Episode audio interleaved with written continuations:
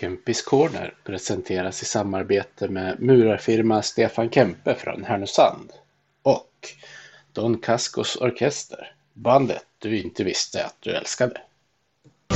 Vi älskar att vinna och hatar förlust Men alltid vi hyllar vårt lag hjärtats lust Övik, ja, Övik, ja, där trivs vi bäst Med matcher i lyan, ja, då är skeppet För vi älskar Modo Vårt hjärta är rött, ja, vi älskar Modo Vårt hjärta är rött Hej och välkomna ska ni vara till Kempis Corner. Det här är det 56 avsnittet och idag har jag inte bara en gäst utan två.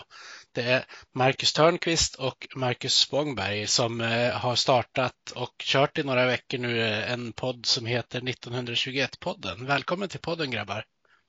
Tack så mycket. Tack så mycket. Eh, Jag börjar med att fråga dig, Marcus Törnqvist, eller Törna som du får kallas i den här podden för enkelhetens Ja. skull. Hur, hur kom det till att ni startade den här podden från första början? Eh, ja, det var väl egentligen så att vi, vi eh, har ju lyssnat på otroligt mycket poddar båda två och eh, vi har väl, vi hade ju som en liten chatt eh, på Messenger, vi och ett par stycken till modoiter, alltså från olika delar av landet. Så sen Marcus och jag fortsatte att skriva efter att den här gruppen splittrades upp lite grann. Eh, så fortsatte jag och Marcus att skriva med varandra egentligen dagligen och sådär och märkte att vi har ett lika brinnande intresse för och väldigt likasinnade. Vi tänker ganska likadant runt det. Och eftersom vi tyckte det var så spännande just med det här med poddar och sånt och tyckte att ja, men vi har ännu, liksom, vad ska man säga, vi har ännu drivet att kunna starta en podd och driva den framåt så då valde vi liksom att diskutera ihop oss och sen ja, men liksom starta en podd för att testa på lite och se hur det funkade. Och det har ju varit otroligt roligt liksom att köra igång. Mm. Och ni har ju kört eh, egentligen ett avsnitt i veckan, Marcus. Eh, Hur kom ni fram till eh, vilket intervall ni skulle ha?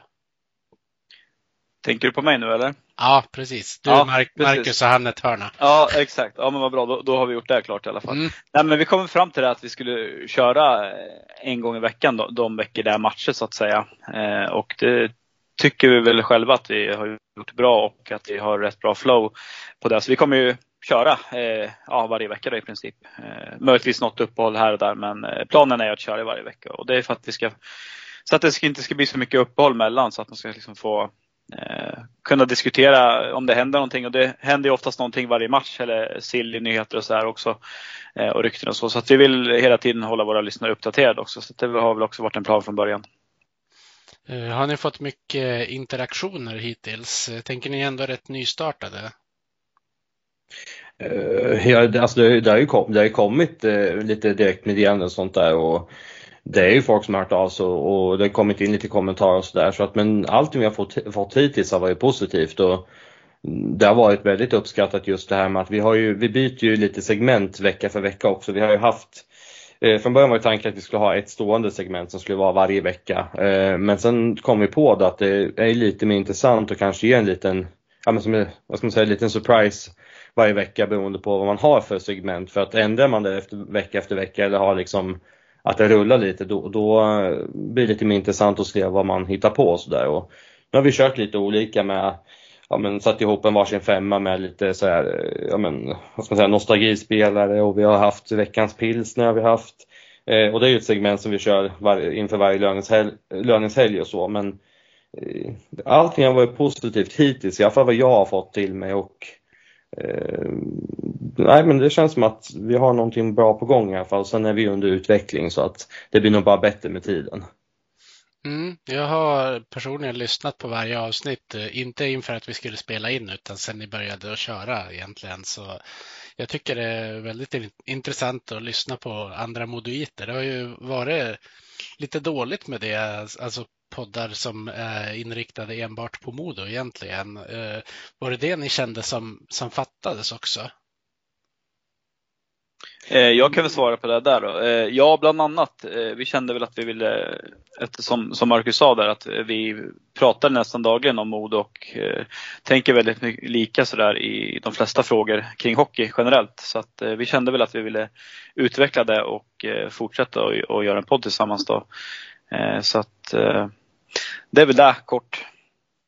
Ja, så om, jag ska, om jag ska fylla på lite där så kan jag säga att jag, jag tycker ju att det var lite så här, för min egen del så var det att det finns ju ganska få, eller väldigt få poddar om just enbart Modo. Och när intresset är så stort för en personligen, då blir man nästan lite, vad ska man säga, man blir lite knäpp om man inte får liksom höra andras tankar med på något vis när man går och ja, tänker väldigt så. mycket på det.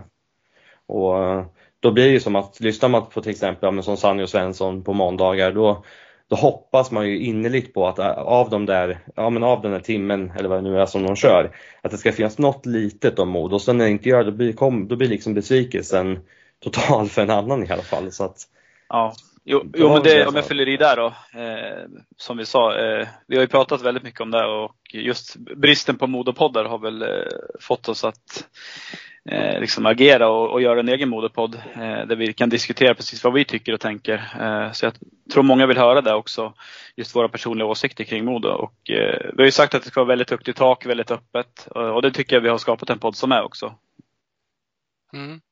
Eh, sen är, nu eh, har inte jag och Johannes lyckats få till eh, inspelningar på våran podd så ofta som vi hade velat. För det, det har varit lite svårt när han bara kan dagtid till exempel. Men det är ju, man tänker på hur, hur ert flow i podden är ju ganska stor skillnad mot hur han och jag är. Vi är lite lugnare i vårt prat kanske än vad ni är. Eh, jag, jag, sett, jag jämför dem inte på något sätt mot varandra, men det är lite roligt och liksom, när man lyssnar på något gammalt avsnitt av våran podd och jämför med när jag lyssnar på er. Det är lite, lite annan intensitet på något sätt. Mm, ja, men jag, jag tycker du spottar om det ändå för att det är som vi, Marcus och jag pratade ju om det också att eh, för jag har ju lyssnat på eh, ja, men både Campus Corner och då Stället Go Bananas har jag gjort flitigt och eh, det är en annan, alltså naturligt bara utan att det blir något kritiskt så är det ju ett annat tempo i våran podd jämte med till exempel Stället Go Bananas men det tycker jag inte är något fel i sig heller för att på något sätt diskuterar vi på två olika sätt eh, och det är ju ändå bra för att hade vi startat upp en podd som hade varit alldeles för lik, då blir det ju nästan menlöst att göra en ny podcast när det redan finns en som är så. så att, nej, men jag tycker att, alltså, grejen är att jag tycker att poddarna är, de är bra på sina, sina egna vis. Helt ja, enkelt. håller med helt. Om vi tänker på er som personer, eh, hur eh, startade ert hockeyintresse? Är det någon av er som har spelat hockey tidigare till exempel? Du börjar Marcus eller? Ja, jag kan börja då. Eh, nej, tyvärr inte enbart eh, landhockey och, och landbandy och allt vad det hette. Jag kommer ju ursprungligen från eh, Nyköping då, eh, nere i Sörmland. Eh, men har väl alltid varit intresserad av ishockey eh, sedan jag var liten. Det var i princip det enda jag följde eh, i sportväg. Eh, sen började jag väl 94 med ja, Peter Forsberg som för många andra moditer. Eh, just både OS-guldet där och eh, finalen mot Malmö där. Så att eh, det väcktes väl lite det största modeintresset i alla fall. Sen följde man det ganska mycket där under några år när det var hockeybilder och sånt populärt där. Eh, vi som växte upp på den tiden kände ju till det. Eh, sen har det väl bara flyttat på egentligen. Sen har man väl haft några år där man inte har följt lika slaviskt men om man kan säga så här från 2006 och framåt så har jag i princip inte missat någon Modo-match. Eh, det är väl någon enstaka här och där när man har jobbat och, eller varit upptagen på annat håll och sådär. Men sen, sen, jag följer ju väldigt mycket ishockey, inte bara mod utan eh, SHL, eh, Hockeyallsvenskan då såklart och eh, NHL även eh, ja, Tre Kronor då när de spelar. Så att, eh, väldigt allätare om hockey, läser hockey dagligen. Eh, framförallt Modo då. Eh, tänker Modo i princip någon gång varje timme, eh, varje dag året runt. Så att det, det blir väldigt mycket hockey. Eh, blir det. Men det, det, är ett fantastiskt roligt intresse och väldigt kul att nörda ner, ner sig i någonting som man älskar. Så att, eh, det är väl kort om det. För min del i alla fall. Eh, ja, för, för min del var ju, alltså det är så svårt att än sätta, vad ska man säga, sätta fingret på när jag liksom varit riktigt intresserad för att jag har inte spelat, jag har inte spelat ishockey själv har jag inte gjort utan jag vet att när jag var när jag var yngre så ville jag gärna spela ishockey och framförallt då målvakt för att jag har alltid haft, som jag, sa, jag har sagt i våra, något poddavsnitt vi har haft, att jag har någon målvaktsfetisch eh, något slag. eh, alltid tyckt att målvakt har varit något, ja, men liksom, något helt annat på något vis. Och eh, jag vet att jag tjatade på mina föräldrar om att börja hockeyskola och sånt där, jag, men det var väldigt sent i åldern, alltså jag var säkert en ja, men tio åtminstone när jag började tjata om att börja spela hockey och sådär. Och då har de flesta spelat ett par år, eller i alla fall stått på is ett par år med, ett, med tränare och sånt där och lite junior, alltså mini liksom träning och sånt där. Och, men jag vet att jag alltid varit, om jag tänker tillbaka så har jag alltid varit liksom omringad av hockeyrelaterade grejer så här, typ som jag vet min, min pappa har ett brinnande intresse för hockey eh, och, och det har väl också varit så här det tog väl fart lite mer när jag väl varit riktigt intresserad och så men eh, det har alltid funnits på något vis och eh, jag vet min, min morfar även pratade om när han spelade hockey och sådär så att det har alltid funnits på tal på något sätt. Och sen vart det väl mer att jag hittade väl hockeyn också lite grann det här med att jag spelade väldigt mycket jag spelade väldigt mycket alltså tv-spel gjorde jag när jag var yngre och eh, jag tror jag av en slump eller någonting så fick jag tag på typ så här NHL 20, vad kan det vara, 2002. Och efter det sen har jag inte kunnat släppa det liksom utan det har bara varit liksom, det gick från att vara liksom ett intresse för själva spelet till att bli verkligheten liksom och sen har jag bara tuggat på och sådär så att för mig har det liksom blivit en annan väg om man säger. Ja, eh, eh, det är eh, lite roligt att du pratar om målvaktsfetisch, för jag har ju haft väldigt många målvaktsrelaterade gäster i min podd när jag liksom körde igång egentligen.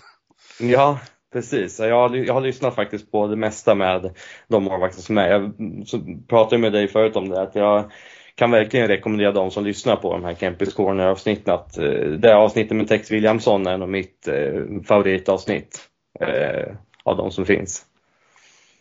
Ja, det, det har varit många roliga och intressanta avsnitt att spela in faktiskt. Eh, sen är det lite roligt att lyssna på dem så här någon, någon månad senare ibland, för då har jag ju glömt bort vad folk har sagt för någonting. För ja, mitt, det brukar vara så. Ja, man är mitt uppe i intervjun och ställer följdfrågor och sånt där, så man tänker inte riktigt på exakt vad de har svarat för någonting.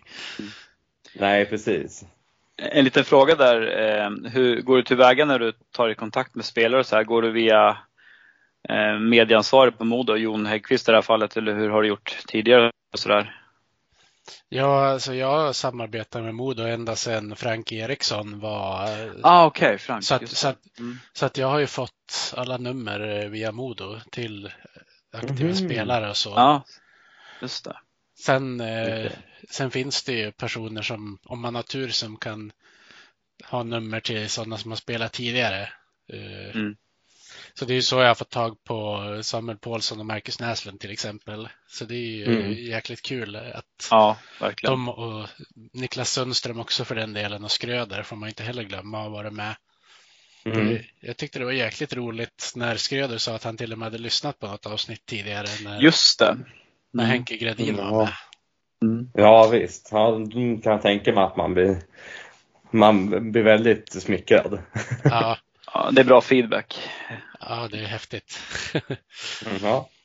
Eh, men jag brukar ju, som ni som lyssnar på de här poddarna kanske har koll på, fråga om mina gäster har något så här favoritminne från eh, Kempehallen. För jag har ju döpt eh, podden till Kempis Corner till största del som en hyllning till Kempehallen då, men lite grann också såklart som en anspelning på mitt efternamn som är Kempe. Eh, Marcus, du sa ju att du hade hängt med sedan 90-talet. Vad har du för favoritminne? Eh, jag, har ju, jag flyttade upp till Örnsköldsvik eh, 2010, så jag har ju bott här i 12 år. Så jag hann ju inte se någon match i Kempehallen så. Jag var ju där och kikade innan de rivde den då. Men ja, det är väl 99 där, finalserien där som jag har som minne egentligen.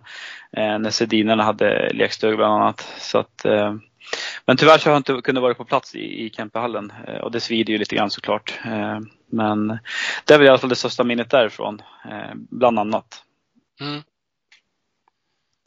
Ja, ja, det är ju den här delen av själva, vad ska man säga, supporterskapet när man håller på Modo och man ändå har den åldern jag har eh, som blir lite nästan, man, blir, man blir nästan lite generad och liksom, det är småskämmigt men jag har faktiskt inget minne alls av Kempehallen överhuvudtaget och det är på grund av att jag var jag vet inte hur gammal jag var när jag började hålla på Modo och det är också svårt att komma ihåg alltså, precis vilken säsong det var. Men den säsong jag minns som min första, det är ju då guldsäsongen och det som hände då var ju att vi fick en ny arena eh, som var då Swedbank. Så jag har faktiskt inget minne alls ifrån Kempehallen. Jag har liksom bara sett bilder i efterhand och jag har läst om det och hört historien om det då såklart. Eh, men jag har inget minne från Kempehallen alls. Man har väl några minnen från lockout-säsongen också där, 04-05.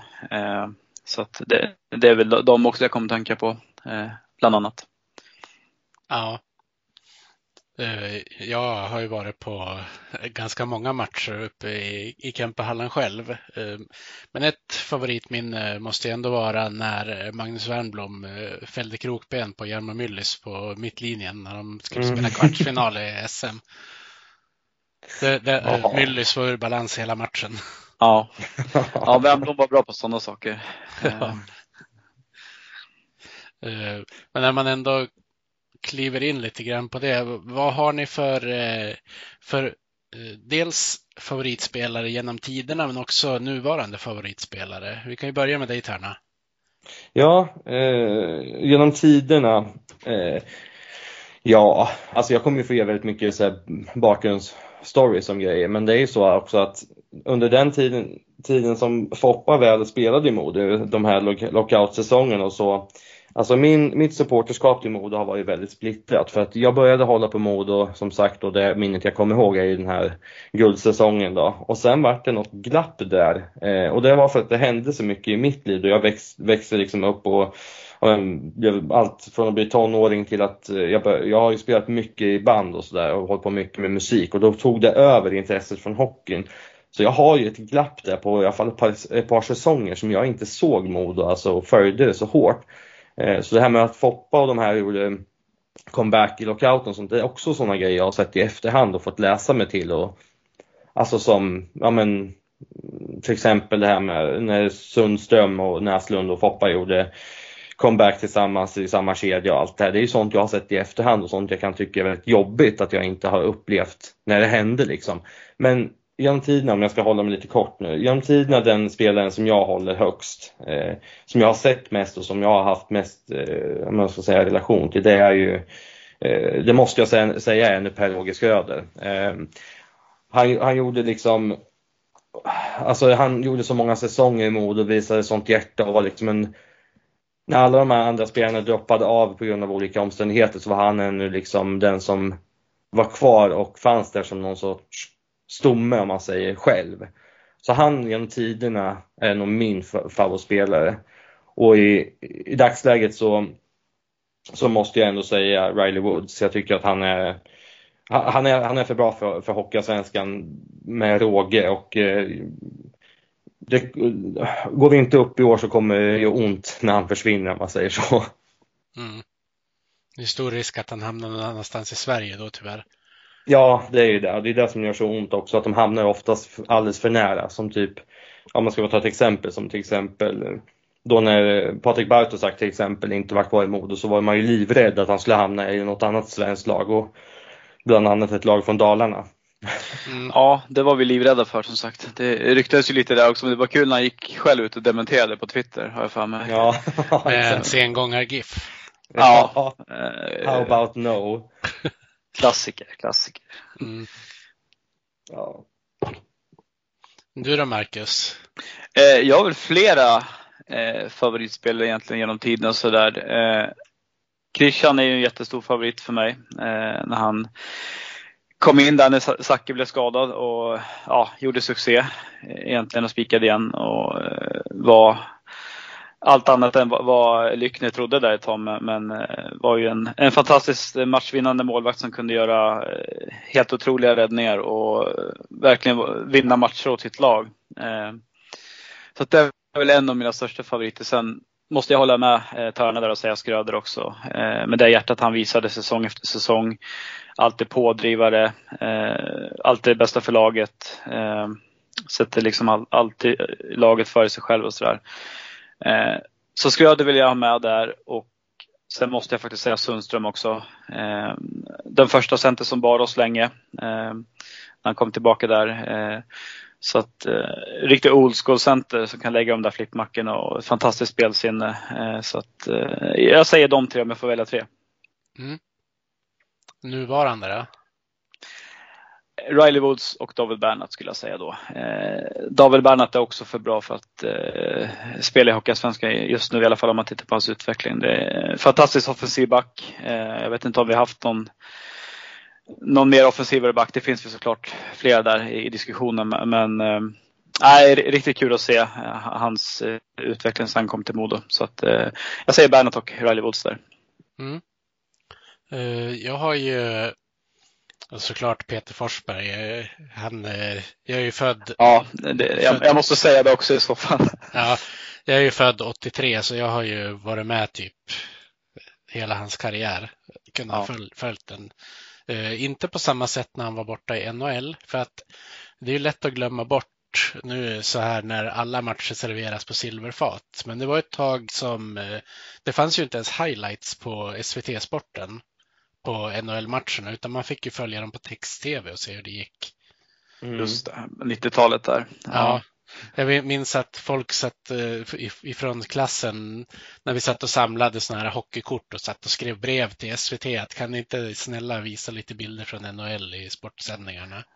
Mm, precis, ja. ja. Det är otroligt vad man fick jaga information på den tiden. Sen idag tar man upp telefon liksom, så kan man få reda på resultat och highlights här, på ja, några. Du kan, det, ja, du kan till och med ja. se hela matcherna där om du har rätt ja, konton och grejer. Jag är 86 där så jag är tre år yngre än dig då, så jag har ju liksom också växt upp i, i samma eh, generation där så att eh, jag delar den uppfattningen. Mm. Eh, jag har ju en annan av mina absoluta favoriter. Det har ju varit František Cabrele som var med i det där 99-gänget. Ja. Ja, det var en grym spelare det också. Eh, man skulle vilja se lite mer highlights från, från den tiden också eh, faktiskt. vet inte om de finns på Simor Classic den där matcherna, vet ni det? Jag har inte kollat så jag kan. Nej, inte jag heller jag faktiskt. Vet inte. Sen eh, har ju jag haft en, en, spelare som är lite mer eh, som, som, kanske inte har gjort lika stor figur, men Christian Jakobsson har alltid varit en favorit för mig. Mm. Han, mm. har, han har en sån här härlig skridskostil. Ja, verkligen. Frälsaren från Skällevad, vad var det gick ja, på? Snacket gick. ja, lite ja. roligt att jag har eh, jag har matchtröjor från eh, Skröder och Jakobsson bland annat då, i, i Modo. Sen har jag Sundström och Paulsson från någon sån här um, välgörenhetsmatch som de har spelat. Matchar ja, signerade tröjor. Det är lite roligt att ha en. Ja, verkligen. Ja, verkligen. Eh, men i, i årets trupp är jag ändå även i fjol svag för Pontus Nässén. Jag, jag gillar sådana här ja. rightskjutande backar ja. som, som passar som en kniv i smör ungefär i anfallszonen. Det, det är ja, magiskt. kemin de har där, det här backparet, det är helt fantastiskt att se just i, i anfallszon när de följer med upp i anfallen, hur de hittar varandra och hans eh, ibland avgörande passningar i PP där är också riktiga guldmackor. Ja, och det känns ofta som att han har hållit i pucken en sekund för länge när de går dit och hotar och ja. ska ta den vid linjen. Men då helt plötsligt så har han hittat en öppning man inte har sett. Ja, ett jäkla spelsinne också. Det, det, det, ser man verkligen. Liksom, han ser ju spelet på ett, eh, ja, ett offensivt sätt framförallt. Men, men ja, det är riktigt kul att se. Ja, man förstår ju verkligen att en del jämför de där eh, backtyperna med quarterbacken i amerikansk fotboll. För rätt vad det är så hittar de en passning som mm. ingen har sett, men som de har sett hela vägen. Mm. Ja, det är fascinerande. Eh, ja, men det där backparet som sagt, det, det, det, det är kul att följa dem. Ja. Minst sagt. Eh, har ni någon, eh, det här är ett helt, helt omkastning av ämnet, men har ni någon sån här favorittröja från eh, åren som Modo har spelat? Eh, det behöver inte vara någon som har funnits under den tiden som ni har varit intresserade utan det går att svara dem tidigare också. Jag gillar ju den från 94 där. Jag tycker den var retro och cool. Retro är den ju såklart idag när man tittar tillbaka men jag tyckte den var snygg även då. Jag minns jag satt och kollade på liksom hockeybilderna på den och så. så att, jag får väl säga den då. Du då ja. har du någon favorittröja? Ja, jag har ju det, men jag försöker komma på vilket år det är. Det här är ju något av de åren som sagt jag inte titt jag liksom inte följde mode på det viset. Eh, men det är ju, jag ska se om jag hittar den bara. Jag ser ju här att här hittade jag bilden i alla fall. Det är från en artikel som säkert du har skrivit Peter. Eh, vi ska se här. Det är ett, nej, det var Johannes som har skrivit. 2011 Eh, de tröjorna är jag otroligt svag för. Eh, den säsongen där. Det var ju när, det var väl när Pickarainen spelade i Modo va? Det kan hända. Eh, Byron Ritchie, Nagy. Ja precis, Pickarainen, exakt. Ja men det är de här, det är ju liksom bara rakt av en röd tröja med lite gröna och jag, jag gillade ju de här svarta inslagen i tröjan. Jag tycker det är lite synd att de inte finns kvar för jag tycker det gav en lite mer rough eh, touch på tröjorna. Jag tyckte, jag vet inte varför, jag gillade det. Eh, ja, det kan vara snyggt faktiskt. Ja, sen tycker jag, något som jag verkligen saknar, det är ju de här, just från den säsongen, det är ju de här otroligt feta numren på tröjorna. Stora nummer på dem. Jag har alltid tyckt det var otroligt snyggt när man har ordentliga nummer på tröjorna, för det finns ingen som kan reta mig så mycket estetiskt som när man har jättesmala och eh, nästan ja, men, genomskinliga nummer. Ja, ja det, det, var ju, det har ju varit något år Modo har haft eh, röda tröjor med svarta nummer. Det, det har varit lite frustrerande. Det, det, syns i tv men det har inte varit lika lätt att se när man har varit på plats. Nej, det förstår jag. Det, måste man, det känns som att då måste man göra det så extremt tydligt på något vis med att ha kanske ha både en grön och en vit linje runt numren, alltså att det blir tydligt vad det är för nummer och sådär. Eh, Mm. Men eh, ja, det, det, är svårt, jag kan tänka mig att det är svårt så det också att få ihop riktigt, men vad ska man säga, tröjor som håller en längre tid med. För oftast blir det efter säsongen att man ropar på nya loggor och nya tröjor och utformningar av alla, alla slag och sådär. Så att... om, om, vi tar en liten följdfråga då till er två. Nu tar jag över lite här Peter, men eh, fa favoritnummer då? Hockeynummer generellt? Eh, om jag får svara för mig själv först. Jag, jag, jag säger nog Foppas nummer 21. Jag tycker det är så, det bara känns så klockrent. Ja, det... Jag tänker estetiskt? Ja, dels det. Sen är det väl just att det är Foppas nummer. Eh, Salmings också. Men, men eh, jag säger 21. Alltså jag, jag, har alltid varit svag för nummer 24 och det var innan eh, innan Niklas Sundström hade det. Men det har såklart bara cementerat att, det, att jag gillar numret ännu mer. Ja, det är förståeligt. Mm. Ja, jag är sådär, jag måste ju svara alla delar då, forward, målvakt och eh, back i så fall. Eh, som forward, jättesvag för nummer 88. Eh, alltid varit. Det är väl både att man haft Patrick Kane som lite favorit och eh, ja, men Nylander när han var i Modo stack ut lite med 88. Eh, sen eh, backnummer är så jäkla svårt för jag gillar ändå när man har ett enskilt nummer som typ 5, 7 eller 2 eller vad det nu kan vara. Men jag har varit lite svag för just när en back har nummer 32. Jag vet inte varför. Jag tycker det här feta är snyggt liksom när man har ordentliga nummer. Och som målvakt då, då är det beroende på det är nog bara mitt tänk. Det är inte, kanske inte många, så många som tänker det men eh, 65-35 är två nummer som jag gillar på målvakter. Och sen är du från Finland så är det 32 eller 30 som gäller. Speciellt svar kanske men det är så jag tänker. Ja men eh, estetiskt lite grann också faktiskt. Ja, det är ju, vissa fonter av nummer gör ju att vissa siffror inte ser ut som man vill att de ska göra heller. Så det, det, Nej, det kan vara lite exakt. irriterande ja. för ögonen. Ja, Nej, men det är som vi, forwards har backnummer och sådär också. Eh, kan också vara så här konstigt. Men eh, om det finns specifika nummer för en back. Men det är som Jonathan Lindqvist brukar säga att en, en forward kan inte ha det numret eller en back kan inte ha det numret. Nej. Nej, det, det, Nej. Ser, det ser fel ut med en forward med nummer två. Ja, Mm. exakt. Delvis, ja. Eller hur? Ja, det funkar liksom inte bara. Och det, det är kanske, kan jag säga, någonting som jag hade varit lite störd på med just Modos nummer. Att nu, har jag, nu har jag förstått varför de har så, men de har ju inte nummer som är högre än ett visst tal om man säger. Och det var ju för att deras materialare inte ville det. Vad jag förstod det som. Det var väl eh, inte bara där, utan det var väl eh, som en grej de ville föra in liksom i föreningen på något sätt. Ja, exakt. Men jag, jag är så anti det, för jag tycker det är så snyggt med höga nummer.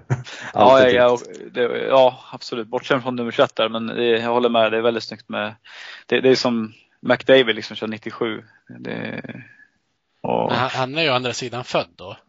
Då är det ja, lite, det är mer coolt också. legitimt. Ja, Ja, ja visst. vi kör årtalet där.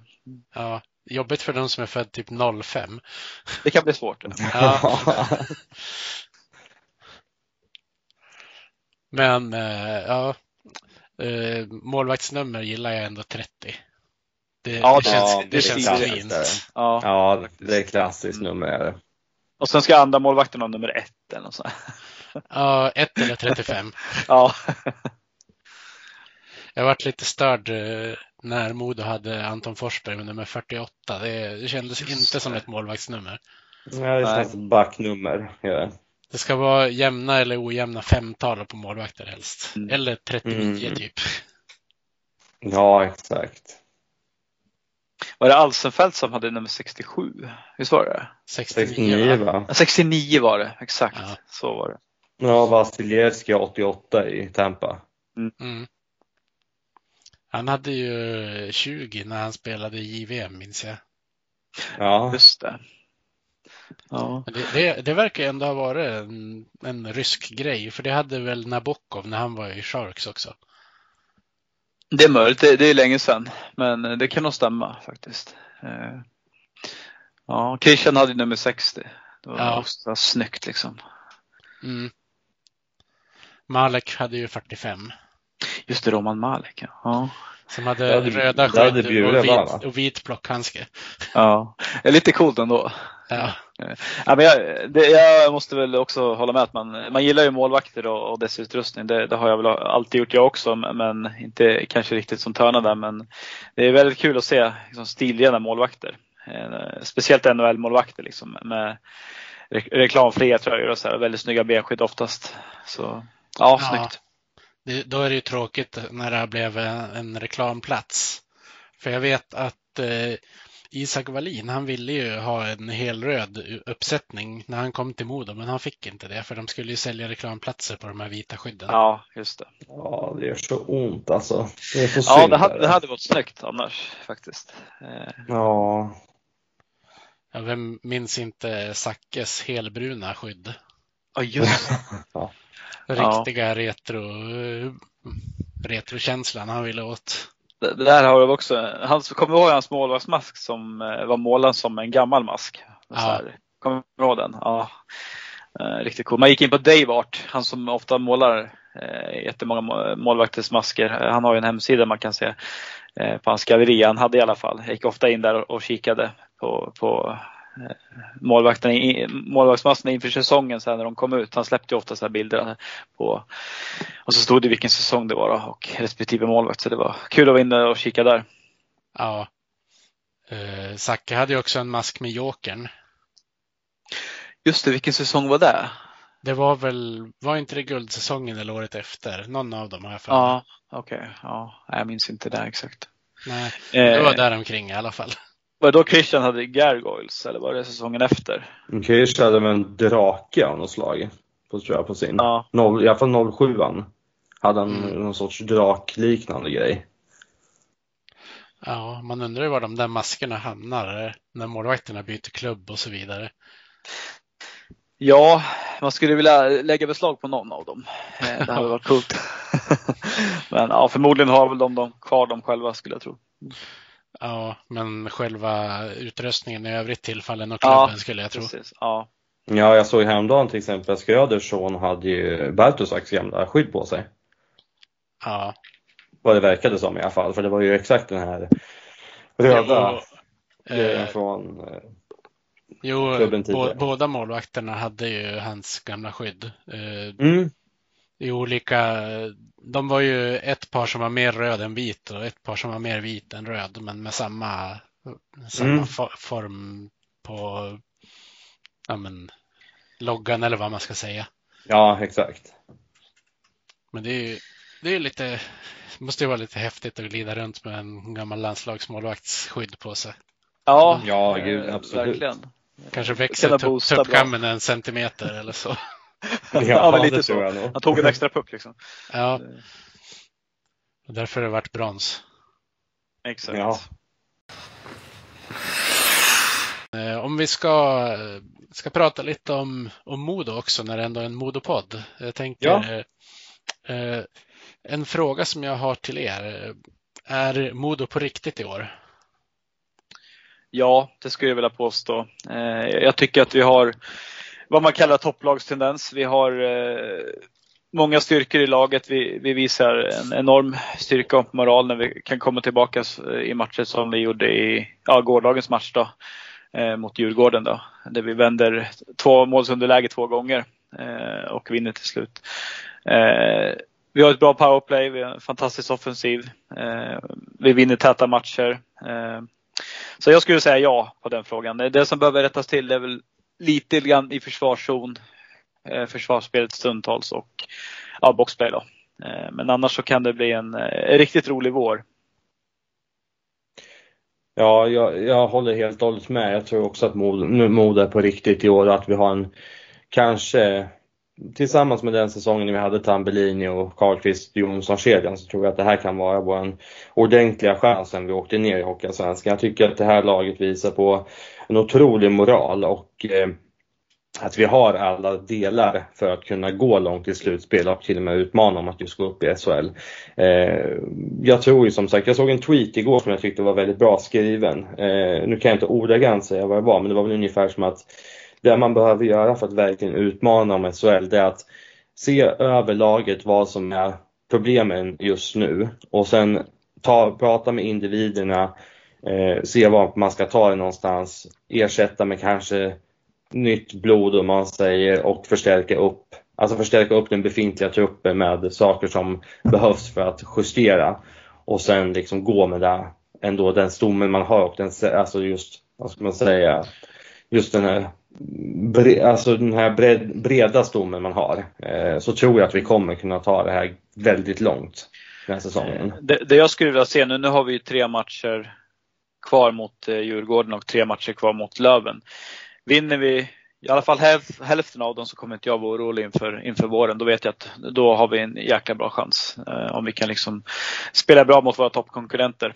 Eh, nu har vi ju mött Löven en gång och Djurgården en gång. Som, spelschemat är ju som det är också som vi har varit inne på tidigare. Men eh, eh, det är väl de matcherna jag går och väntar på som kommer bli en liten fingervisning tror jag. Men jag tror fortfarande att vi har en väldigt, väldigt god chans. Eh, och vi har väl varit inne på lite grann om vi, om vi ska prata lite silly att eh, personligen så vill ju både jag och Törna ha in en målvakt, en defensiv försvarsgeneral och eh, en rightskytt.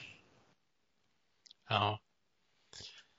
Nackdelen är väl att det är väl nog ganska många andra lag också. Ja, så är det ju. Det Det är är ju en speciell marknad då, eh, vilket eh, alla sportchefer återkommer till både i SHL och Allsvenskan. Så eh, vi, vi får väl se vad, vad Hinken lyckas landa. Ja. Är det något som man har lärt sig de här säsongerna så är det ju att han har ett annat S i rockärmen ändå. Ja, eh, verkligen. Men jag tycker han har gjort det över förväntan, eh, måste jag säga. Det, det är väl eh, stundtals kanske man skulle vilja se att han, att han agerar snabbare i vissa fall, men eh, jag tror ändå han, han har gjort så pass klok, kloka beslut ändå så att jag, eh, ja, nej, jag tycker han gör det bra ändå.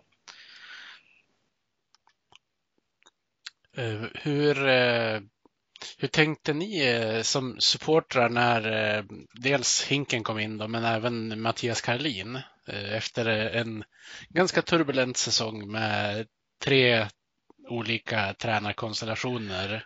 Bland Ja, annat. herregud ja. ja. Eh, nej men eh, det ryktades ju om Kalin länge och, och liksom innan gick ju snacket att han, han ville hem och eh, ja, vi ville väl ha hem han också. Eh, man hade väl lite frågetecken sådär hur, hur det skulle liksom bli och, och vad man brukar säga frälsare i sin egen stad och sådär. men eh, jag tycker att det var helt rätt beslut eh, av Modo och eh, han är precis den tränare vi behövde efter, efter en sån säsong. Han, han skapar ett lugn i föreningen, han skapar en trygghet i, i de, med de spelare han har eh, och har gjort ett fantastiskt jobb så här långt. Så all heder till han och, och är över förväntan där men jag är jättenöjd med, med att vi har honom och jag hoppas att han stannar eh, ytterligare flera år. Även om vi tar, tar, klivet upp så att säga så vill jag gärna se han anta den utmaningen också med Modo i SHL. Ja, jag, jag, jag resonerade nog också på liknande vis att jag, jag, jag var nog mer jag var nog mer skeptisk, eller vad man ska säga, till Hinken än vad jag var till Karlin. Och det var just för att Karlin har ju ännu bevisat mycket i just Hockeyallsvenskan att han har ju varit ännu fört, alltså han har ju fört eh, Västervik i slutspel. Eh, ett par gånger och eh, man, ser, man ser vad han fick ut av det han hade i Västervik. Eh, och eh, vilken bra tränare han var. Sen just att han kommer, att han är från Eh, ja, men Övik och liksom Modo i blodet och allt det här, det gjorde ju inte saken sämre. Eh, samma sak med Hinken, att han är liksom ur Modoit och allt det här, det gör bara saken bättre. Men han var mer skeptisk just för att när han började snacka om att bli sportchef så var det just det här med att han skulle kombinera det till en början med eh, jobbet med, i Colorado. Och eh, jag kände lite att kommer det funka med att kombinera ett så pass Alltså ett jobb för Colorado är ju ett, ett stort antagande och en stor liksom stort ansvar och kan man få kombinera det bra då, och det bevisade ju han otroligt att han, att han kunde göra eh, i och med värvningarna han gjorde och, satt, och det lag han satt ihop. Så att, eh, nej, jag, jag, tycker att eh, jag, jag var väldigt överraskad men jag var nog mer skeptisk som sagt till Hinken än Kalin. Ja, eh, och det vart ju det, det vart ju en del snack när han skulle komma in också eftersom att då hade ju ändå Glader plockat in några spelare inför säsongen. Eh, en del av, av de värvningarna vart ju väldigt bra också med facit i hand. Så han ska ju mm. ha lite heder för fjolårssäsongen också.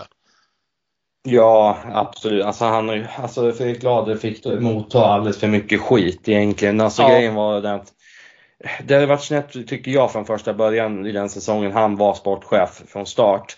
Det tycker jag egentligen var att vi, vi hade inte rätt tränare på, på rätt, alltså på rätt, vi hade inte rätt tränare helt enkelt. Det funkade ju inte med eh, Nieminen och när man hamnar snett från början och det får bli så pass illa som det blev, då är det svårt att dra upp det där igen.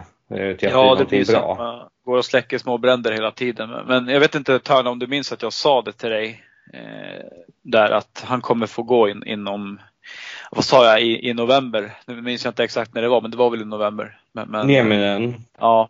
Ja, 15 omgångar tror jag. Ja, jag, liksom, jag, jag, kände det direkt när han blev klar att det kommer inte fungera. Eh, om vi ska återgå till eh, Hinken och Kaliner så känns det som att rätt gubbar har kommit hem och rätt gubbar har kommit till Modo. Eh, och mm. de, är, de är härifrån, de är ur Modoiter, de brinner för Modo. Eh, de vill att vi ska lyckas tillsammans, eh, hela stan, eh, alla fans och så vidare. Så att eh, jag tycker det känns klockrent. De är liksom jordnära personer, ödmjuka. De är liksom inte de är liksom på, på samma nivå som, som alla på gator och torg här över, skulle jag på säga. Men, men just det här att det är vanliga människor. Liksom. De sticker inte ut så utan ödmjuka och jordnära killar liksom, som eh, vill föreningens bästa och det tycker jag de har visat också. Mm. Och eh, en del uttryckte ju besvikelse över eh, Josh Dickinsons poängsnitt borta i Nordamerika men det visar, han har ju visat att det var rätt kille han tog mm. in Hinken ja. inför den här säsongen han har något, sitt scoutöga där eh, som verkligen har eh, levererat två första center av eh, hög allsvensk klass här nu då i två säsonger så att det, ja, det är kul att se. Marcus, här jag, här jag ska komma in och raljera över att jag lovordade honom från första stund. Ja. Innan han ens hade gjort en match i Modo. Precis. Ja, det, vi glömde ju nämna honom som liten favorit också. Det kan vi säga som en liten bubblare. Och till ja, ja, favoriter i, i Modo just nu då. Men ja, är det riktig första center av klass. Mm. Eh, sen kan ju jag skryta lite med att jag sa innan förra säsongen att Sam Vigneault inte kom till Sverige för att spela tredje center utan att han var Nej, för det första. kommer jag ihåg att du sa. Ja, Det kommer jag ihåg att du sa och det fick du väldigt rätt över. Jäklar vad det skriks Ja, vad bra spaning. ja. Men eh, tänk in, innan vi avrundar nu eh, så skulle jag vilja att ni siar in lite grann i spåkulan och, och säga vad ni, vad ni tror om eh, hur, hur det kommer sluta den här säsongen. Vad, vad kommer Modo plocka in för någonting eh, och vart kommer laget sluta i tabellen? Ska jag börja ta den eller? Ja, Ja, jag men kör gör det. Ja. Eh, när vi gjorde en liten tabell eh, där i vårt första avsnitt tror jag det var så tippade jag ju Modo trea. Eh, så jag får väl stå fast vid det. Eh, även om jag såklart hoppas att vi vinner serien. Men eh, jag står, står fast vid min tippning där och säger att vi, vi kommer trea. Men att vi, vi kommer vara med och vara ett topplag hela säsongen ut. Om vi inte får råka på några hemska skador där på, på toppkedjan. Där. Men, det är väl de förväntningar jag har och de förväntningar som jag tycker man ska ha. Att vi ska vara ett topplag och ligga topp tre hela tiden. Sen tror jag det kommer bli en rolig vår. Jag, jag tror att vi har en väldigt bra chans att eh, gå, gå till, eh, till en final. Eh, Hockeyallsvensk final och där kan allt hända. Eh, så att, eh, och jag tror att vi kommer att låna in en spelare. Sen tror jag att vi kommer värva en spelare och kanske en tredje också. Eh, så jag tror att det kommer bli antingen två eller tre nyförvärv. Ja, jag ska, Eh, ja, vi får se om jag pudlar nu då, men jag ska göra en utläggning i alla fall. Jag tror så här, Modo kommer att värva en, oh, det här är svårt, men jag, jag tror så här. Eh, innan deadline, om det blir det här året eller blir efter nyår eller när det än blir. Jag tror att Sam Mignot kommer att komma tillbaka till Modo. Jag har den känslan bara av det jag ser från honom. Han är inte dålig i HV71 på något vis, men han får inte ut det spel, alltså den spelaren han var i Modo och det var nog den spelaren de ännu ville ha. Eh, jag tror Sam Minor kommer komma tillbaka till Modo och jag tror att de kommer testa honom i första kedjan med Riley och Dickinson för det finns det Där det finns det en, en kemi sedan tidigare. Eh, sen tror jag att innan transfer deadline så kommer vi att plocka till oss och nu kommer som sagt, jag kanske pular nu, men jag tror vi kommer plocka till oss Marcus Vela. Eventuellt Brickley med om vi lyckas ligga där uppe i toppen eh, och vara attraktiva som klubb. Spaning. Om, om nu inte Brickley får ett SHL-erbjudande, vilket är inte helt omöjligt med tanke på hur bra han har varit. Men han har haft lite svårt nu sista omgångarna så vi får se var han landar i mitten här på serien. Men Brickley eventuellt och Vela innan transfer deadline och sen målvaktssidan skulle jag tro att Hinken tittar nog för fullt efter en målvakt. Eh, men jag tror någonstans går man lite och hoppar på Tex även om man Även om man säger att man kanske har gett upp den tanken så tror jag man hoppas lite grann på att han skulle få en sån mirakulös rehab och komma tillbaka där på slutet. Jag vet inte men jag tror vi, kommer nog ta in en målvakt vilket som. Sen säger jag inte vem men eh, sen skulle jag tro att vi ställs, vi kommer gå ända till final i år tror jag med det här laget. Och där tror jag att vi möter Djurgården. Sen hur det går där det kan jag inte säga. Nej, det vågar man inte ens eh, tänka på. Men, men, eh, nej, men jag kan väl sticka in lite där med målvaktsfrågan också. Eh, jag tror att man kommer stämma av textstatus strax innan deadline eh, och agera därefter och antingen ta in en målvakt på korttidskontrakt eller säsongen ut. Men jag tror man kommer avvakta lite där. Eh, det är väl min känsla.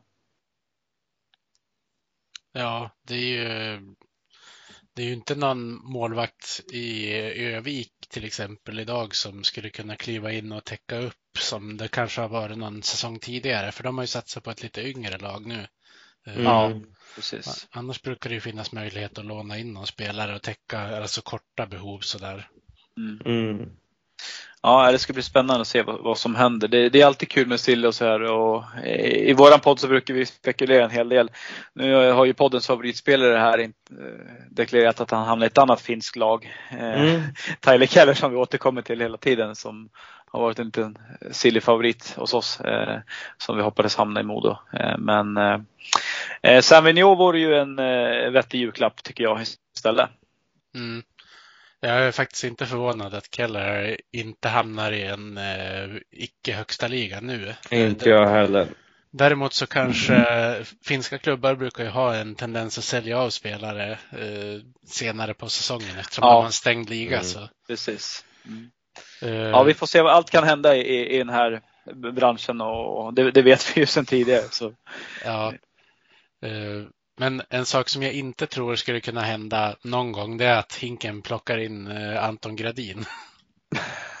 Nej. Nej, det kommer han nog förmodligen inte göra. Vi får se, men nej, det känns väl inte aktuellt just nu i alla fall. Nej. ja, men då får jag får jag säga ett stort tack till er för att ni var med och spelade in den här podden. Det har varit jäkligt kul och tiden går ju fort. Ja, verkligen. Ja, nej, men jättekul att få vara med. Jättemycket med Peter. Jättekul. Mm. Och så eh, får, får jag säga lycka till i ert fortsatta poddande. Det ska bli jätteroligt att höra på ert hockeysnack. För jag, jag gillar flowet ni har när ni spelar in. tack så Stort tack Peter. Stort tack. Och tack till alla som har lyssnat. Och så eh, säger vi på återhörande. Vi hejar på Modo, rödvit och grön. Klubben i hjärtat, en känsla så skön. Övik, ja, Övik, ja, där trivs vi bäst. Med matcher i lyan, ja, då är det fest För vi älskar Modo. Vårt hjärta